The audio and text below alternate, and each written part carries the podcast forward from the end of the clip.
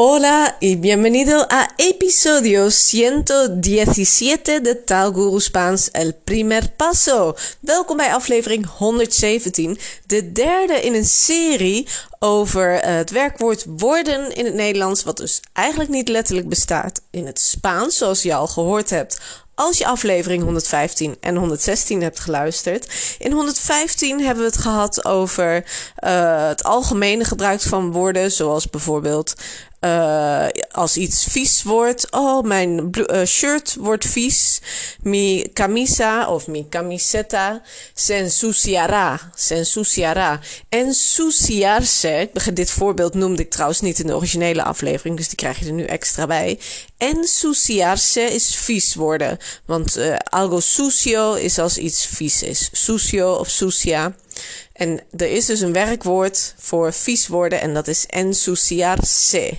Met het c erachter. Dus iets wordt vies, dan zeg je se ensucia of se ensuciará. Het zal vies worden.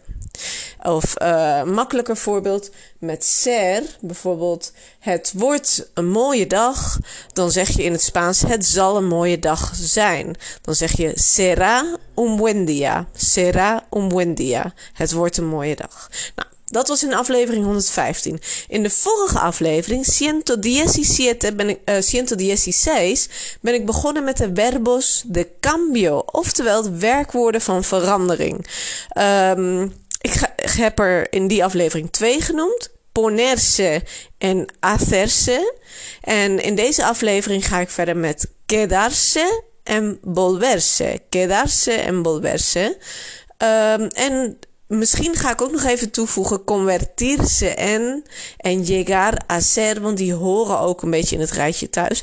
Maar dat zijn dus zes verschillende uitdrukkingen of werkwoorden die je kunt gebruiken voor het Nederlandse worden. Iets worden. Um, en ik heb trouwens nog een ander. Uh, we hadden net enthousiarse. Is eigenlijk vies worden. Enthousiarse is vies worden. Dus daar is ook gewoon een rijtje werkwoorden. Uh, wat dat in zich heeft, wat gewoon één werkwoord is. Wij zeggen in het Nederlands boos worden. Uh, in het Spaans boos zijn is estar enfadado of enojado als je heel boos bent. En je kunt van dat uh, bijvoeglijk naamwoord enfadado of enojado kun je een werkwoord maken. Bijvoorbeeld enfadarse of enojarse. Dat is boos worden. No te enfades. Niet boos worden. No te enfades. Word niet boos. No te enfades. Of um, se enoja fácilmente. Juan se enoja fácilmente. Juan wordt makkelijk boos. Een ander werkwoord waar het er al in zit, uh, ziek worden. Enfermarse. Enfermarse, die wordt niet zo heel vaak gebruikt. Uh, want je kunt ook. Um, nou ja, enfermarse. Um, relajarse is eigenlijk ook zo'n voorbeeld, maar dat is zich ontspannen. Dat hebben we ook in Nederland. Zich ontspannen is ontspannen worden. Relajarse. Uh, verrast worden. Sorprenderse. Sorprenderse.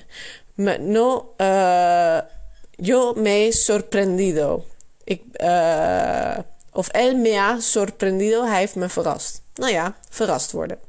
En dan uh, de laatste, uh, rustig worden, is tranquilizarse. Tranquilízate. Tranquilízate of calmate.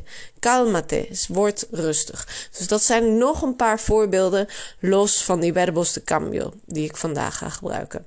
Maar wat ze allemaal in zich hebben, deze voorbeelden, uh, werkwoorden ook, zoals uh, enojarse, enfadarse, tranquilizarse, calmarse.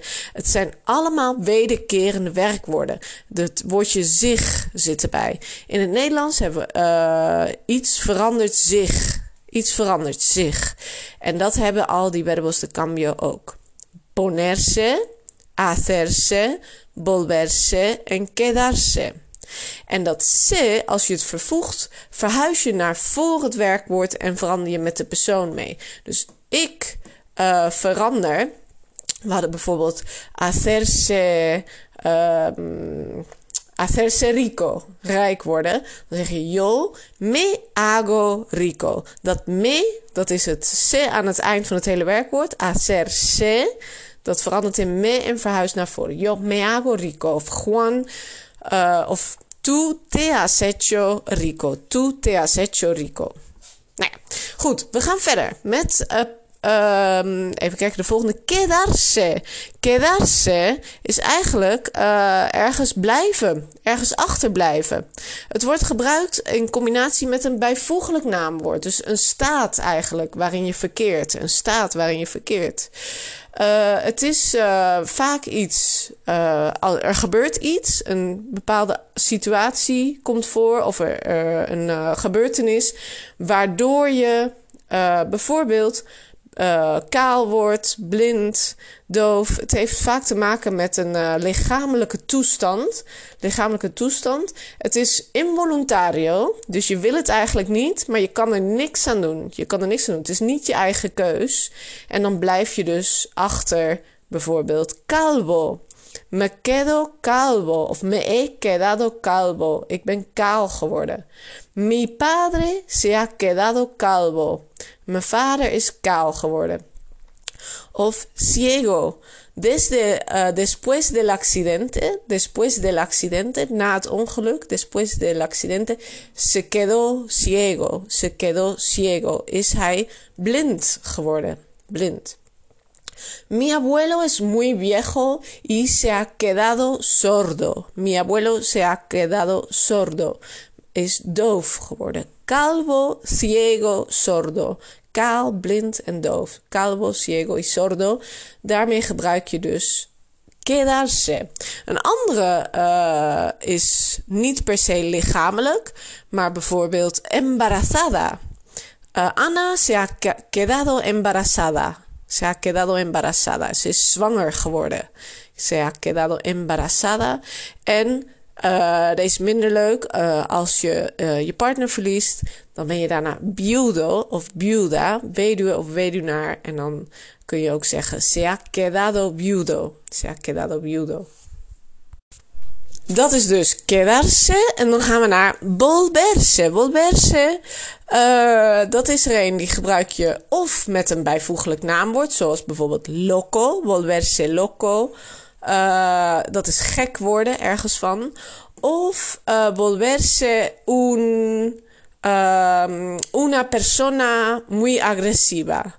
Uh, Juan se ha vuelto una persona muy agresiva. Juan is een heel agressief persoon geworden. Juan se ha vuelto una persona muy agresiva. Uh, het is meestal een, gaat het over een blijvende verandering. Dus het is niet zoals ponerse. Ponerse is tijdelijk te has puesto rojo, oftewel van schaamte, por, por vergüenza, se pone rojo de vergüenza. Of uh, van, door de zon kan ook. Ah, he uh, tomado el sol y me he puesto roja como un, um, como un cangrejo. Rojo como un cangrejo. He tomado el sol y me he puesto rojo como un cangrejo. Rood als een krab is het eigenlijk. Wij zeggen kreeft, maar cangrejo, krab. Uh, Oké. Dus ponerse is tijdelijk. Volverse is meer, uh, als het, zeker als het fysiek is, uh, voor de permanent, permanente, sí, duradero. Puede ser de su carácter um, y es más bien negativo. Het is meestal een negatieve verandering. Uh, más ejemplos de volverse, por ejemplo, uh, het hoeft niet per se negatief te zijn. Je kunt ook uh, ha vuelto un chico responsable. Antes era muy desordenado. Antes era muy desordenado. Vroeger was hij heel rommelig. Desordenado. Ahora, oh, y se ha vuelto una persona responsable. Pero se ha vuelto una persona responsable. Hij is een verantwoordelijk persoon geworden. Uh, of, por ejemplo, volverse ahorrador. Ahorrador. Dat je uh, van iemand die veel geld uitgaf, iemand bent geworden die geld spaart. Ahorrar. Dat zijn nog twee voorbeelden van uh, volverse. Volverse. Nou, goed. Tot slot toch nog heel even convertirse en, en llegar a ser. Uh, convertirse is letterlijk veranderen, ergens in veranderen. Is vaak heel plotseling, um, bijvoorbeeld door een toverspreuk. El príncipe se convirtió en un ratón por el hechizo de la bruja. El príncipe se convirtió en un ratón por el hechizo de la bruja. De prins veranderde in een muis door de toverspreuk van de heks. Se convirtió. Um, en uh, dat is dus convertirse en als verandering, maar je kunt jezelf ook, net als in het Engels, to convert to, je, uh, hoe noem je dat, als je van religie verandert of in een religie uh, gaat volgen, dan, nou ja, dan zeg je dus in het Spaans, se ha convertido al budismo. Hace poco se ha convertido al budismo. Uh, dus hij is bekeerd, bekeerd eigenlijk naar het boeddhisme of al, um, al islam. Se ha convertido al islam. Convertir, convertirse a is dus uh, als je een andere ideologie of religie gaat uh, volgen, dan is het convertirse a. En convertirse en is veranderen in. Dus daar is een klein verschil in, hè? Convertirse en ergens in veranderen. Convertirse a is ergens tot bekeren. En tot slot, llegar a ser. Je, uh, llegar a ser, uh, dat is eigenlijk llegar is aankomen tot zijn. Aankomen tot zijn. Um, en meestal is dat dan dus ook een lange weg, is daaraan um, vooraf gegaan. Het is, je hebt als doel om iets te bereiken en als je dat, om iets te worden en als je dat doel hebt bereikt, dan uh, kun je dus zeggen después de sus estudios y una larga carrera, na een lange carrière, uh, llegó a ser abogado, llegó a ser director, llegó a ser actriz. Kan ook. Dat zijn een paar voorbeelden. Dus me, ik uh, denk dat het meestal uh, gebruikt wordt voor uh, carrière. Als je een punt bereikt in je carrière. Dan ben je directeur geworden of advocaat of juez, rechter enzovoort. Oké, daarmee zijn we aan het eind gekomen van deze serie over woorden. Um, luisteren is één ding. Ik hoop dat je hier heel veel van opsteekt, van al deze woordenschat. Maar oefen ook in de praktijk. En een hele goede mogelijkheid om te oefenen is in de Club de Español.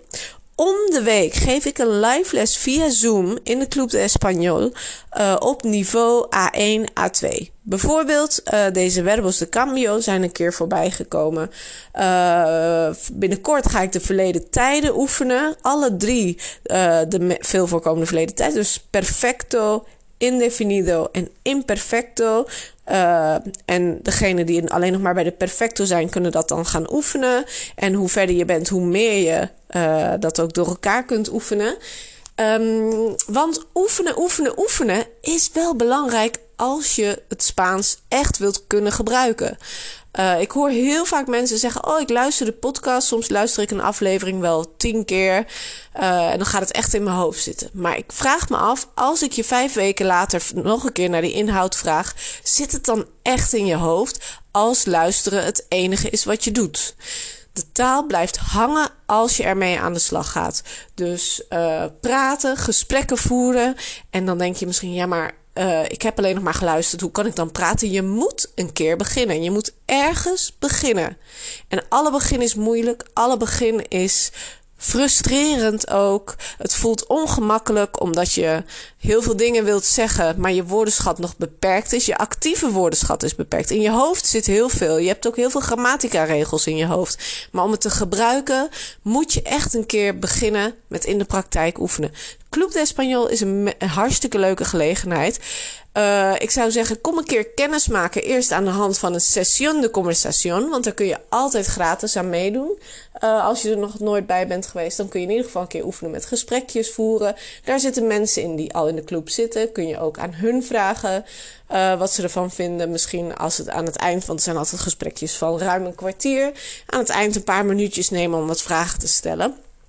Um, want het is echt Als je Spaans wilt leren en je wilt het de volgende keer dat je in Spanje bent of Zuid-Amerika in de praktijk kunnen gebruiken, oefen dan eerst. En, want in de praktijk oefenen met de mensen die dat als moedertaal spreken, is echt iets heel anders. Dan zit je gelijk al aan een hoog niveau. En in de club oefen je op je eigen niveau, zodat je steeds kleine stappen vooruit kunt maken. Fouten mag maken, het helemaal niet erg is. Niemand je uitlacht, niemand dan maar wegloopt en het gesprek maar laat zitten omdat het nog moeizaam verloopt. Uh, je voelt je daar echt uh, het is als een warm bad. Het is als een warm bad waar je lekker kunt oefenen.